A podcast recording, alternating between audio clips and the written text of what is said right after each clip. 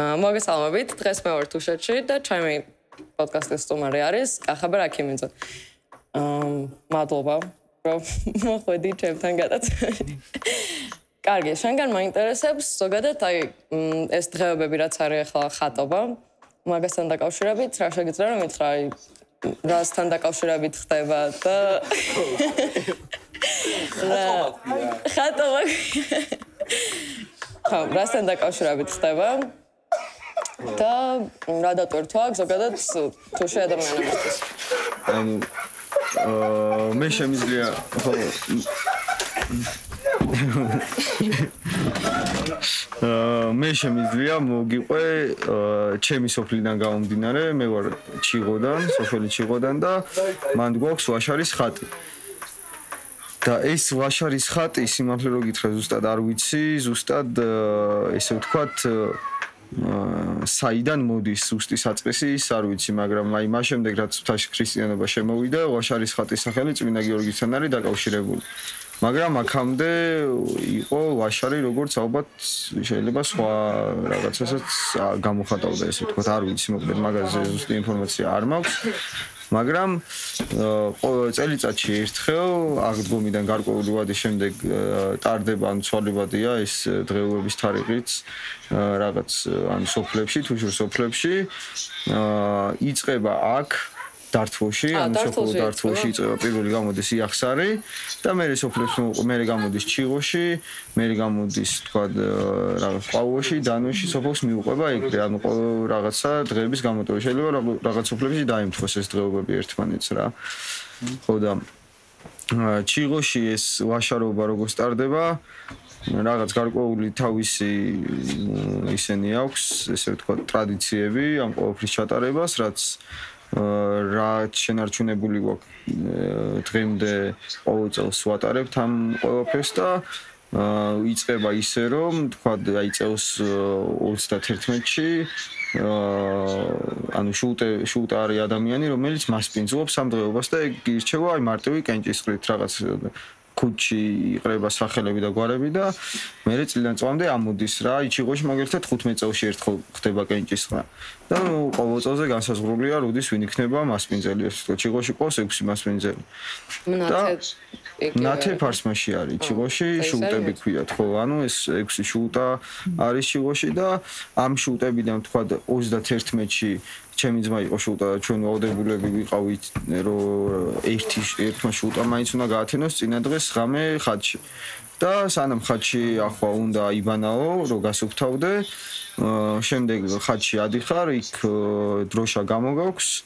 ის დროშა ჯერ საპონელი არის მოუწლებია ცოტა შეიცვალა და ვიცით მაგ დროშის ადგილმდებარეობა მაგრამ იდეაში მალავდნენ მაგ დროშას ყოველი შუტა მოვიდა შემდეგ ახალ შუტას უნდა ეპოვნა ეს დროშა. გამოდის დროშა ხატი ილოცება, იქ ვათენ თღამეს, სანთელი სანთელს ვანთებს და როგორც ვიცი, ეს სანთელი არ უნდა ჩაქრეს ამ დღეების განმავლობაში. და რა ვიცი, ჩვენ წელს შევასრულეთ. და ესე შემდეგ უკვე მეორე დღე არის, როდესაც ცხვარი საკვავი ამოდის, ესე ვთქვათ, აქ.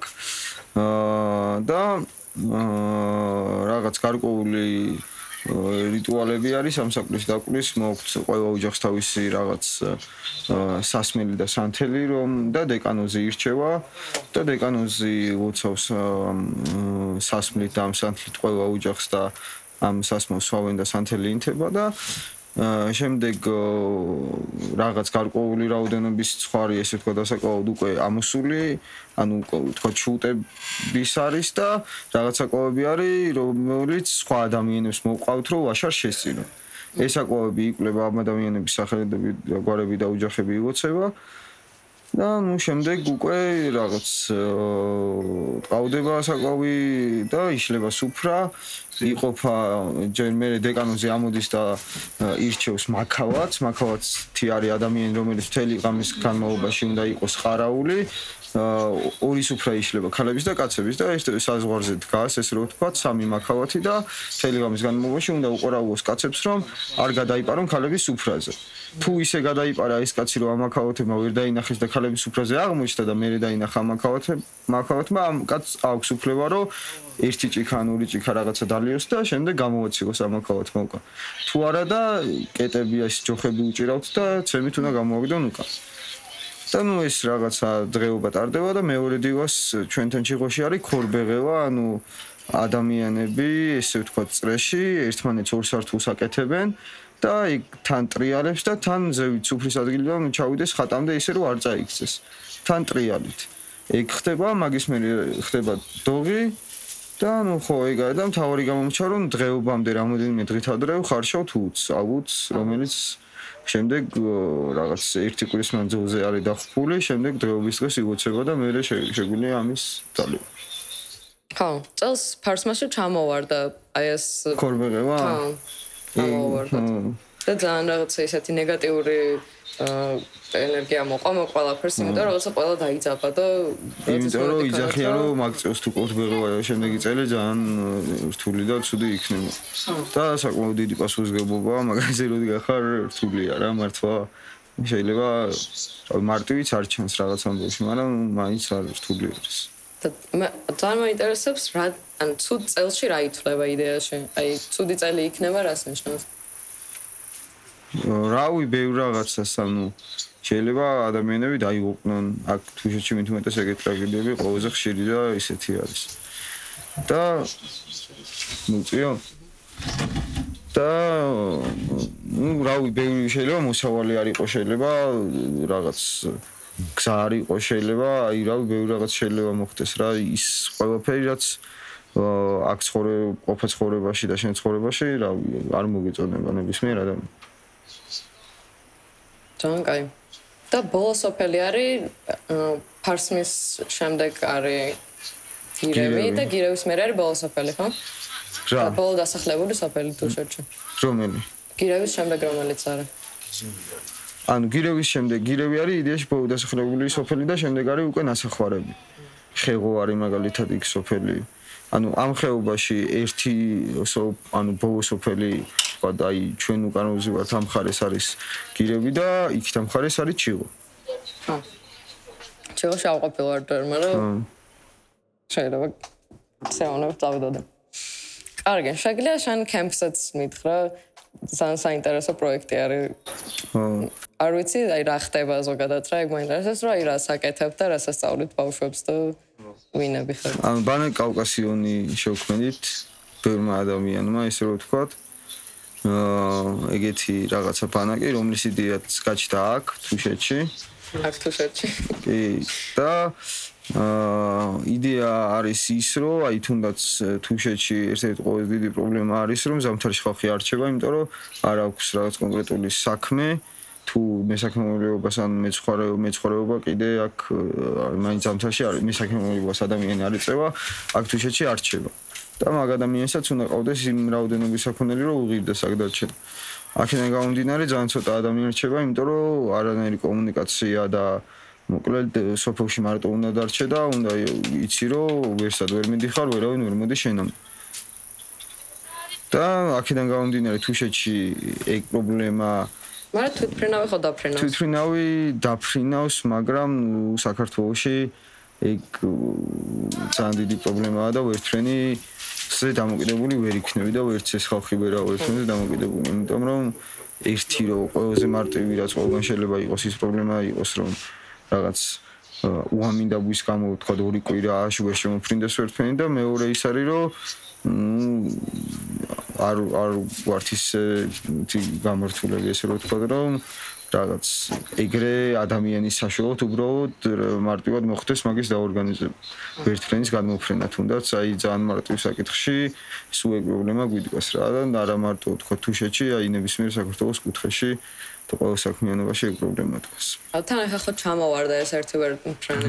მაგის გამო იყო მე მგონია ფარსმოში ცოტა ეგეთი. კი, მაგ ფარსმელი იყო ვინც იყო ავია ინჟინერი მაგ ვერტფრენში.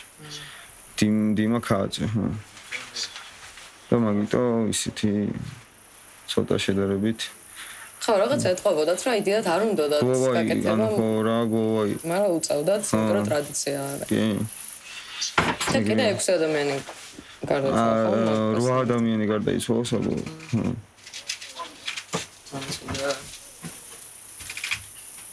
მაგრამ ამ პრობლემიდან გამომდინარე, ხო. რომ ზამთარში ვერჩებიან ადამიანები. ანუ ხო, მარკიდან გამომდინარე, წავ ანუ მივედით იმაზრამდე, რომ უნდა გავუკეთებინა ისეთი რაღაცა, თან მით უმეტეს მთაში მცხოვრები ადამიანების, ვინც ეს ადგილებში ცხოვრობს და ნუ ხო, იმას ჩავუმატებ, რომ ზაფხულში თუ თუშეთში ვატარებ დროს, ჩემი მთელი დანარჩენი დრო რაღაც მთაში დავდივარ და მოკლედ თოვთან ხშირი კავშირი მაქვს და აქაც ზამთარში თოვლი არის ისევე როგორც საქართველოს სხვა რეგიონებში, ძალიან ბევრ რეგიონში და უმეტესად საქართველოს რეგიონი მაღალმთიან რეგიონია.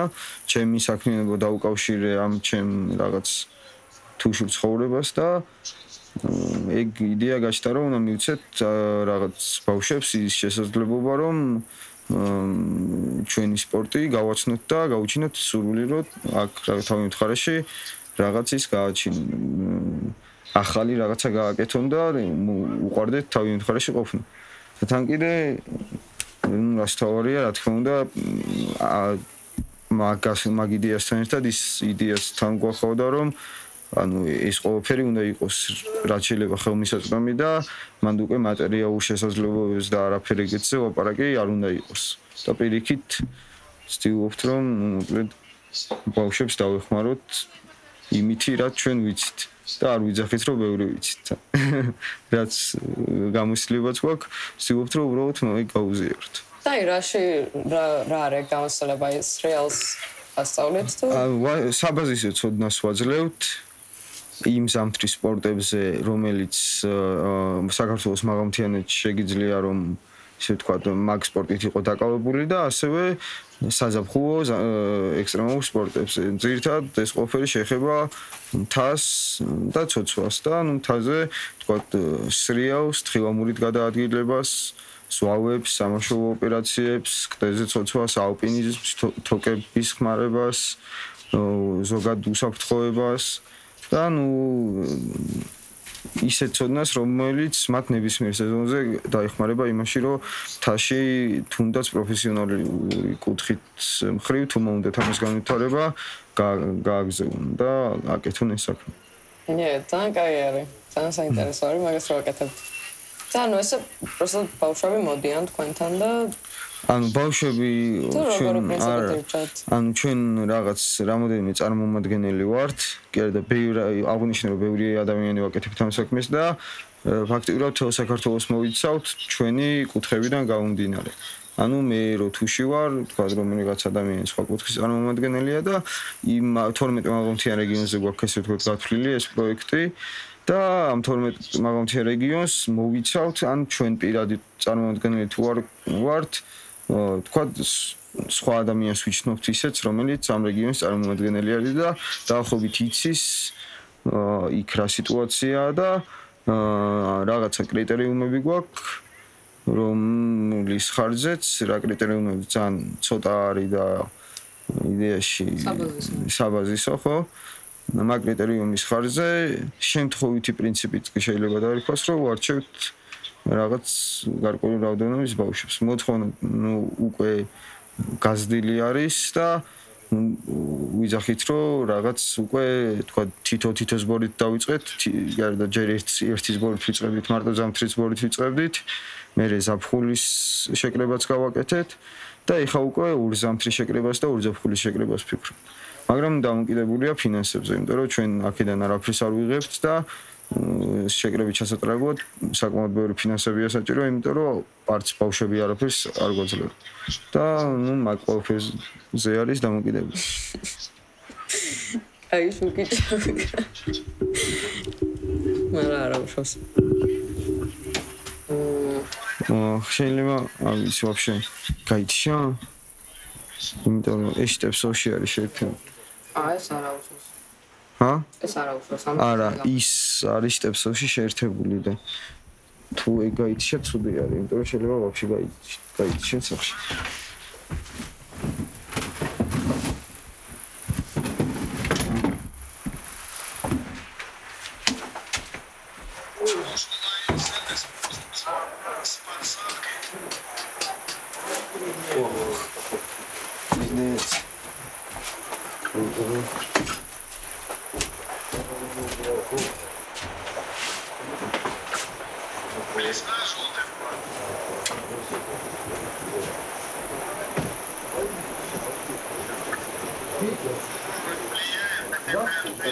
მე ეხა ანუ განუწყვეტელი ვაპარაკი მინდი კარგი, პატარა ტექნიკური ხარო.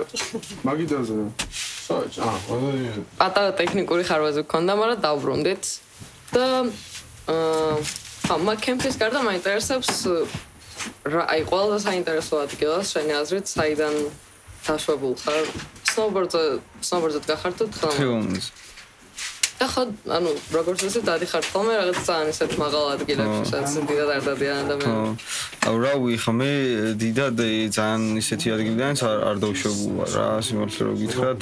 მოგოდი რა ის რაღაცა 13 წლიდან დავდივარ სკიტურზე. ერთი იქნება თამას სახელია რამე ამ სკიტური არის როდესაც ა, თხილამურით ადიხარ ისეთ ფერდები სადაც არ არის ანუ ფეხით გადაადგილდები რა და რა თქმა უნდა ისეთ ფერდებს არჩევ სადაც ხალხი არ დადის და მაქსიმალურად ხელშეუხებელი და ნუ ამ ბოლო წელია რაც დავინტერესდი ჩემი მეგობართან ერთად ბუ- ბუთასთან ერთად იმითი რა ქვია სკი ალპინიზმით და სტრიპსკინგით, ანუ დახრილ ფერდებზე სრიალით და ანუ თაში უკვე შედარებით რთულ რელი- რელიეფზე თხილამურების ზურგზე როდესაც გაკმოკიდებული და რაღაც სამთვალჭრუობით რო გადაადგილდე. და მ, რამოდენიმე ადგილას დავეშვით ერთად მაგრამ ნუ ძალიან ისეთი რთული და ნუ შეიძლება ჩემთვის რთული იყო, მაგრამ ნუ რაღაც რა ჭაუხში ყოფილა ეგ ადგილები უფრო მეტად ჭაუხი არის სოფო ჯუთაში თის მასივი არის და არის ესე ვთქვათ ხევის და ხევსურეთის საზღვარზე და მაგ ადგილებში არის საკმაოდ ისეთი რა რომ აი ამ საქმიანობის დაწყებისთვის ყველაზე ხელსაყრელი რელიეფი რომელიც გაძლევს ყოველფრის საშუალებას, რომ აი თქვა ყველაზე მარტივიდან დაიწყო და სირთულეც ე, მაღლა და მაღლა მიდის, რაც რაღაც ზონემდე სრულიად საკმარისი და სრულიად ისეთი არის რა, რომ რაღაც კარგ გამოცდილებას კიდოვებს. და თუ არის შესაძლებელი რომ ეს რა თუშეთში კი რა თქმა უნდა შესაძლებელია უბრალოდ იმის გამო რომ აქ ზამთარში დასარჩენის პრობლემა არის, გადაადგილებაც პრობლემა არის და არავინ ადამიანი არ არის ვინც ამ საქმიანობით არის აქ დაინტერესებული თუნდაც აა მაგ ყოველფრისა გამო არ ხდება ეგ და ძალიან იშვიათად მხოლოდ ერთ ფრენით თუ შე- შეიძლება ხოლმე ჩამოსვა თქვა რაღაც ჯგუფი და ჰელისკით ანუ ერთ ფრენით სრიალს და ნუ რა ვიცი გეგმავთ და გვინდა ეგ ამბავი რომ აქ გავაკეთოთ ეგ და ვნახოთ. ნუ ერთი ორ წელში გამოჩნდება ალბათ. გამოვა თუ ჩვენ გამოგვივა თუ არა თორე ისე რა თქმა უნდა გამო ნე ძალიან კაი იდეა არის მგონი და გასწორებს თუ ეს ისე ანუ ძალიან კაი მთები არის იდეაში და მგონი აი ეს რა არ არის იმდენად ან ყველანაირი რა ვი- მე როგორც უყურებ ესე ზამთარში აქ ნამყოფი არ ვარ. თუშეთში ყველანაირი ის რელიეფია რომელსაც ნებისმიერ სახის მოთხილამურე ეძებს ან თქვა ტყიანი ფერდებიც არის ო, თქვა ბექებიც არის სადაც ესე გასართობი და სახტუნაო არის ბევრი ძალიან დახრილი და ექსტრემალური ადგილებიც არის ძალიან დიდი ტურებიც არის ან სოფლებში ტურებიც ან ყველანაირი ის შესაძლებელია რასაც ადამიანი თქვა ფრირაიდში და სკიტურში ან თუნდაც ელისკიში ეძებს ყველაფერი თქვა ერთ მხარეში შეგიძლია მარტივად იყო ნე ძალიან კაი ძალიან კაი არის თუშეთი და წარმატებები. მოყოლფერში კარგი. მადლობა რომ მოახვედი თუ მე მოვედი შენთან და ძალიან საინტერესო იყო. ნიუ